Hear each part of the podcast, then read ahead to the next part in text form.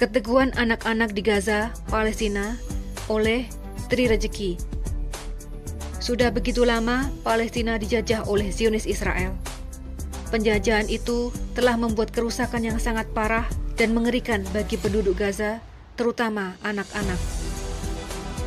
Penjajahan ini juga membuat trauma yang begitu mendalam bagi mereka.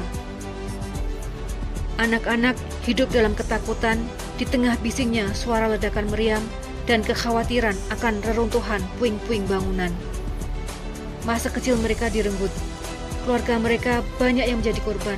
Bahkan tubuh-tubuh mungil itu pun ikut terluka, tersayat, terkena ledakan, berdarah-darah, dan bahkan tidak sedikit dari mereka yang kehilangan anggota tubuh akibat ledakan rudal yang dijatuhkan oleh Zionis Israel.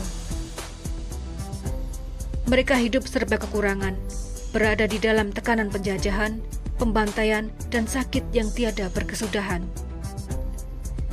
Mereka tahu Zionis Israel telah meledakkan dan menghancurkan rumah-rumah mereka, menyakiti mereka, dan membunuh anggota keluarga mereka. Zionis Israel ingin membinasakan dan menguasai tanah kelahiran mereka, yaitu Palestina. Namun, dengan keteguhan hati, mereka tidak lari dari negerinya. Mereka tahu bahwa mereka akan dibunuh, dibantai, dan dibinasakan, tetapi mereka tetap teguh menetap di Palestina. Kenapa?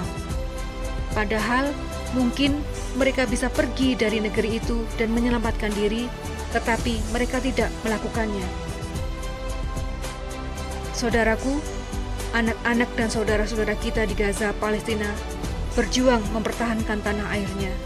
Ternyata bukan semata-mata karena ingin merdeka, bukan pula karena ingin hidup bebas dari penjajahan, tetapi mereka sedang berjuang mempertahankan kehormatan umat Islam di seluruh dunia, termasuk kita. Itu sebabnya mereka tidak akan pernah menyerah. Mereka tidak akan memberikan tanah milik umat Islam itu sejengkal pun ke tangan Zionis Israel. Bahkan mereka yang masih anak-anak pun ikut berjuang mempertahankan tanah kelahiran mereka dan kehormatan seluruh umat Islam. Di dalam jiwa mereka telah tertanam semangat dan gelora membara. Mereka tahu bahwa Palestina adalah milik seluruh kaum muslimin. Anak-anak yang seharusnya bermain, tertawa, dan berlarian riang gembira tidak bisa merasakan semua kegembiraan itu karena situasi yang tidak memungkinkan. Bahkan banyak dari mereka yang telah menjadi syuhada dengan keyakinan penuh bahwa Allah SWT adalah Maha Kuasa dan Maha Penolong. Tangan-tangan mungil mereka berusaha melawan para penjajah semampu mereka, sebisa mereka. Masya Allah, mereka telah menjadi pejuang bukan hanya pejuang bagi rakyat Palestina, tetapi juga pejuang bagi agama Islam. Dengan keteguhan hati, mereka mempertahankan tanah milik umat Islam itu dan berjuang mempertahankan keimanan mereka kepada Allah SWT. Mereka berjuang mempertahankan Masjidil Aqsa agar tetap di tangan umat Islam dan berjuang untuk mempertahankan kehormatan seluruh umat Islam di dunia.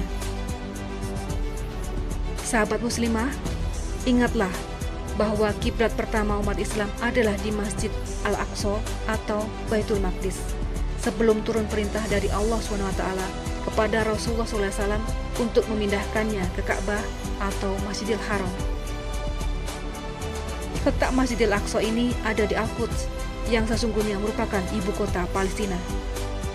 Jadi, sebagai umat Islam, hal yang bisa kita lakukan adalah minimal kita doakan saudara-saudara kita yang berjuang di jalan Allah SWT dan mempertahankan keteguhan iman di hati mereka di Palestina.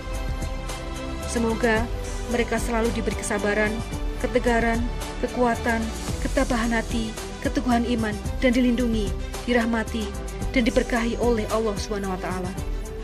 Karena sesungguhnya segala kekuatan dan kekuasaan itu hanyalah milik Allah SWT.